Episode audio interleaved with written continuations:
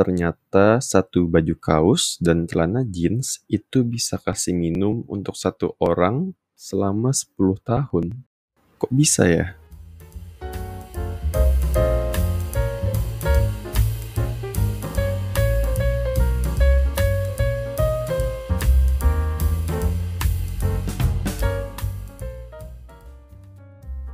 Sekarang tanggal 2 Desember 2021, bulan terakhir kita di tahun ini. Dan semoga kamu yang mendengarkan juga sedang dalam keadaan yang baik, sehat, dan tenang ya. Semoga hari ini juga hari yang baik buat kamu dan terima kasih sudah meluangkan sepersekian harimu untuk mendengarkan ocehan ini. Di bagian kelima ini kita bakal ngebahas tentang fashion. Dan untuk dunia fashion, permasalahannya lagi-lagi sama yaitu adalah pada bahan dasarnya. Yang mana yang kita sering gunakan itu ada dua, yaitu adalah cotton atau mungkin kapas atau katun juga ya bahasanya ya kalau di, di Indonesia gitu dan polyester gitu. Polyester ini karena kayak di bagian sebelumnya dia berasal dari plastik kan. Jadi dari proses pembuatannya itu dan pembuangannya itu ninggalin jejak karbon. Sementara kapas ini lebih ke arah proses penanamannya dan juga kebutuhannya yang makai banyak air. Aku juga baru tahu nih ternyata kapas tuh butuh banyak sekali air gitu. Dan keduanya itu punya serat yang apa ya, bakal makin pendek setiap kali diproses kembali atau di recycle gitu. Jadi ini salah satu penyebab kenapa baju atau pakaian kita itu sulit untuk di recycle gitu. Karena at some point mereka nggak bisa dipakai lagi nantinya. Kalau dari yang gue baca, katanya uh, cuman sekitar satu persen baju yang dibuat itu bisa jadi baju lain gitu, di recycle gitu. 13% lainnya itu bisa dipakai ulang jadi hal-hal lain, misal kayak kain lap atau lap kaki gitu-gitu dan semacamnya gitu. Sisanya sering kali berakhir di landfill tadi, tumpukan sampah atau ke laut lagi. Dan salah satu yang jadi masalah dan ada hubungannya juga dengan climate injustice lagi adalah kebanyakan brand fashion besar yang produce pakaian-pakaian kita saat ini itu mereka produsnya atau ngebuatnya itu di negara-negara berkembang gitu atau yang ekonomi itu menengah ke bawah misal kayak Bangladesh dan Kamboja gitu-gitu. Kenapa biasanya kerjanya dikasih ke negara-negara ini? I think karena harga labornya atau upah pekerjanya itu masih jauh lebih rendah dibanding negara asal brand-brand besar ini. Jadi istilahnya production cost-nya itu bisa lebih rendah dan ketika dijual, margin profitnya akan menjadi lebih besar gitu. Dan lagi-lagi masalahnya dengan pakaian adalah bukan di bahannya sebenarnya menurutku juga, tapi adalah culture kita untuk overconsumption gitu. Karena sering kali kita beli suatu barang ini, misal kayak baju, belum dipakai berkali-kali, atau misal kayak belum dipakai bertahun-tahun gitu, walau kondisinya masih baik, sering kali kita langsung apa ya, ada orang yang kayak nggak mau pakai lagi gitu kan, atau kadang bahkan dibuang gitu aja gitu. Dan mungkin ini juga didorong dari culture industrinya ya, yang kadang-kadang juga mendorong orang untuk terus beli produk yang baru gitu, daripada menjual beberapa produk aja, tapi bisa dipakai dalam jangka waktu yang lebih panjang gitu. Jadi ngebuat ada rasa buat orang-orang tuh kayak gue harus beli baru lagi, gue harus beli baru nih supaya ngikutin trennya gitu. Yang mana akhirnya lahir sudut pandang orang yang sadar kebanyakan orang makai produk-produk seperti brand-brand ini itu lebih sebagai apa ya, bagian dari mereka untuk show off gitu, untuk mengekspresikan diri mereka gitu. Jadi instead of ngelihat pakaian sebagai kebutuhan lagi, sekarang tuh udah mulai transisi gitu. Orang ngeliatnya sebagai bentuk dari apa ya gaya hidup, cara kita tampil, cara kita mengekspresikan diri gitu. Yang menurutku sebenarnya nggak salah ya mengekspresikan diri who we are gitu. Cuman ketika lahir budaya overconsumption tadi, konsumsi yang berlebihan, itu yang ngebuat jadi masalah-masalah baru gitu kan, termasuk ke isu-isu kayak climate crisis ini gitu. Dan ketika ada overconsumption, pasti demand material dasarnya juga bakal meningkat kan. Dan itu yang jadi masalah tadi gitu. Kayak misal cotton atau kapas atau katun tadi itu makan sekitar katanya ya, yang dari yang gue baca itu sekitar 6% dari keseluruhan lahan agrikultur di dunia gitu. Nah, lagi-lagi masalah lahan lagi nih kan. Lahan, lahan. Terus kayak tadi aku bilang juga, aku baru tahu ternyata kapas itu ternyata butuh banyak sekali air gitu. Untuk kita bisa menghasilkan satu kilo kapas, jadi satu kilo kapas itu kalau mau gambaran tuh bisa ngasilin satu baju atau satu celana jeans gitu katanya. Nah, untuk bisa ngasilin satu kilo kapas, kita itu butuh 8.000 sampai 10.000 liter air tawar. Air tawar ya, 8.000 sampai 10.000 yang mana itu sama atau setara dengan kebutuhan minum satu orang untuk satu dekade atau 10 tahun gitu. Dan belum lagi kalau ngomongin tadi pertanian dan perkebunan, pasti ada hubungan dengan pupuk sintetis lagi ya, pupuk buatan gitu. Yang mana juga jadi masalah gitu. Walaupun pada akhirnya memang si kapas atau katun ini juga secara jumlah emisi tetap apa ya tetap dia di bawahnya si polyester sih si bahan plastik itu gitu. Jadi misalnya kalau pakaian-pakaian yang pakai bahan polyester itu memang lebih banyak lagi tuh jejak karbon yang dia tinggalkan. Sementara material lain mungkin ya kita akan mikir mungkin ya terus material apa yang kita bisa pakai untuk baju gitu?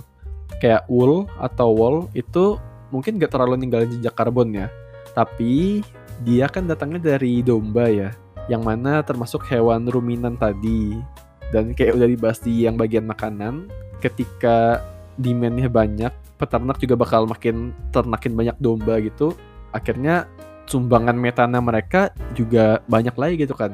One of the most dangerous gases itu tadi gitu. Jadi masalahnya lagi-lagi adalah overconsumption gitu. Terus gimana kalau material alami yang lainnya gitu selain wool? Misal kayak linen atau hem ya, nama bahannya itu, itu memang lebih awet gitu. Dan bisa dipakai dalam jangka yang lebih panjang. Dan dia juga nggak ninggalin banyak jejak karbon dibanding tanaman kayak kapas tadi gitu. But lagi-lagi, ketika ada kualitas, harganya juga cenderung mahal gitu kan. Biasa gitu. Terus kalau dari yang gue baca juga, material lain yang mungkin akan jadi masa depan dunia fashion mungkin adalah kayak kain selulosa gitu ya. Bahan yang datang dari kayu gitu. Walaupun tetap butuh energi juga sih ya untuk motong kayu atau apa gitu. Walaupun katanya dia nggak ngasilin polusi sebanyak kapas dan nggak makai lahan sebanyak kapas dan nggak minum sebanyak kapas gitu. Terus juga ada material lainnya kayak tensel ya yang sering dipakai di pakaian olahraga itu juga katanya salah satu material yang lebih ramah lingkungan katanya gitu. Makanya pada akhirnya salah satu solusi paling dasarnya adalah yang bisa kita lakukan ya sebagai individu sama kayak barang-barang plastik tadi gitu. Dengan cara membeli baju atau pakaian sesedikit mungkin gitu atau secukupnya aja dan bisa dipakai dalam jangka waktu yang lebih panjang. Walaupun memang kadang-kadang ada masalah ya, memang ada perusahaan yang atau brand yang menghasilkan produk yang memang nggak bisa dipakai dalam jangka panjang gitu, mudah rusak gitu biar orang segera beli kembali lagi gitu kan.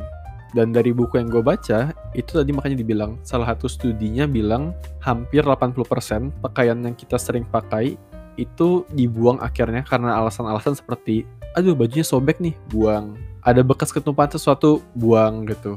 Aduh udah gak cukup lagi, buang.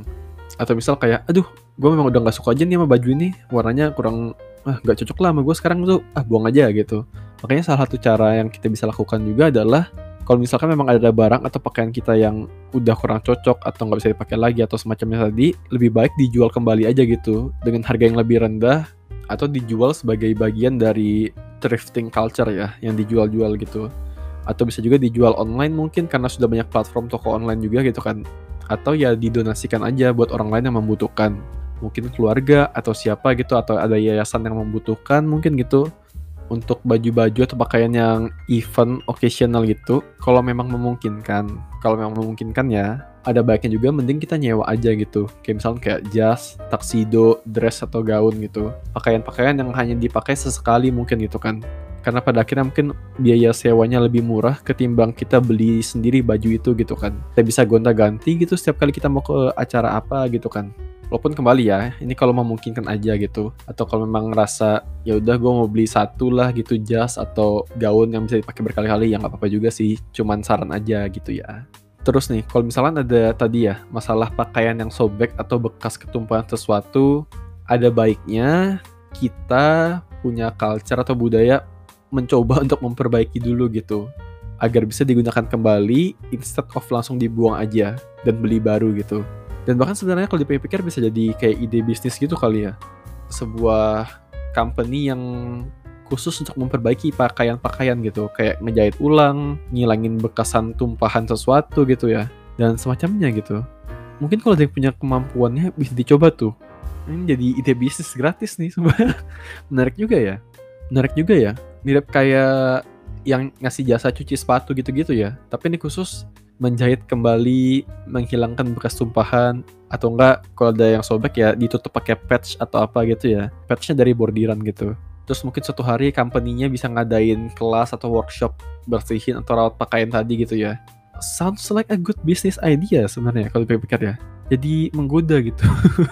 Jadi buat kalian yang mungkin punya segala apa ya hampir segala aset dan kebutuhannya skillnya bisa dicoba tahu sebenarnya. Terus lama-lama bisa ngebuka banyak lapangan pekerjaan juga mungkin gitu ya. Bahkan mungkin kita juga nggak perlu punya kemampuannya bahkan ya. Tapi bisa minta tolong ke yang udah ahli misal kayak tukang semir sepatu penjahit pakaian yang di jalan bisa diajak jadi mitra kerja gitu kan. Terus perlahan sediakan mereka fasilitas yang lebih baik. Jadi kayak uh, menarik sih menarik ya gini nih kes apa keseringan banyak ide doang gitu kalau ada yang bisa silahkan gas aja tuh. Kenapa jadi mikirin bisnis ya gitu. Tapi maksudnya gitu bisnis-bisnis atau ide-ide seperti itu yang akan contribute ke yang namanya circular ekonomi gitu. Ekonomi yang muter aja terus gitu kan. Dan lagi-lagi ya solusi yang bisa dilakukan individu di sektor ini itu sebenarnya baik buat dompet atau finansial kita tahu. Beli secukupnya terus daripada kalau ada yang sobek atau apa dijahit ulang, di repair gitu, ketimbang beli baru gitu kan. Itu hemat sebenarnya ya kalau dipikir lagi ya. Walaupun pada akhirnya pasti ada dilemanya lagi ya. Ketika kita melakukannya secara kolektif atau bareng-bareng, ntar demandnya pasti akan turun. Yang mana bagus buat ngatasin masalah karbon tadi, tapi berarti juga bakal berkurang jumlah orang yang dapat pekerjaan di pabrik produksinya gitu kan kayak tadi di negara-negara produsennya gitu kayak Bangladesh, Kamboja gitu-gitu bakal banyak yang kehilangan pekerjaannya. Ah, itulah dilemanya susah memang ya mikirin masalah iklim ini ya. Gak bisa apa membahagiakan semua pihak pada akhirnya gitu. But I think that's all sih untuk bagian fashion ini. Semoga waktu yang kalian berikan bisa ditukar menjadi sesuatu yang ada nilainya juga ya. Terakhir, karena rasa rasa ini adalah sebuah wadah untuk orang membagikan apa yang ada di kepala mereka, baik itu ide, opini, atau keresahan. Kalau misalnya ada yang ingin kalian ceritakan, jangan segan untuk cerita lewat DM di Instagram, mau anonim juga boleh, nggak apa-apa. Karena menurutku semua orang pasti punya ceritanya masing-masing, tapi nggak semua tahu harus cerita ke siapa dan gimana caranya. Jangan lupa juga untuk follow up di sosial media Rasa Rasa di Instagram. Temani masuk kita juga si Reza. Kalau misalnya episode ini menarik buat kalian, mohon bantunya juga untuk di-share ya. It helps us a lot sih, it means a lot buat kita. Terakhir, semoga segala sesuatu yang kalian rencanakan dan usahakan bisa berjalan lancar. Sekian Lesmana di sini dan sampai jumpa di rasa-rasa selanjutnya.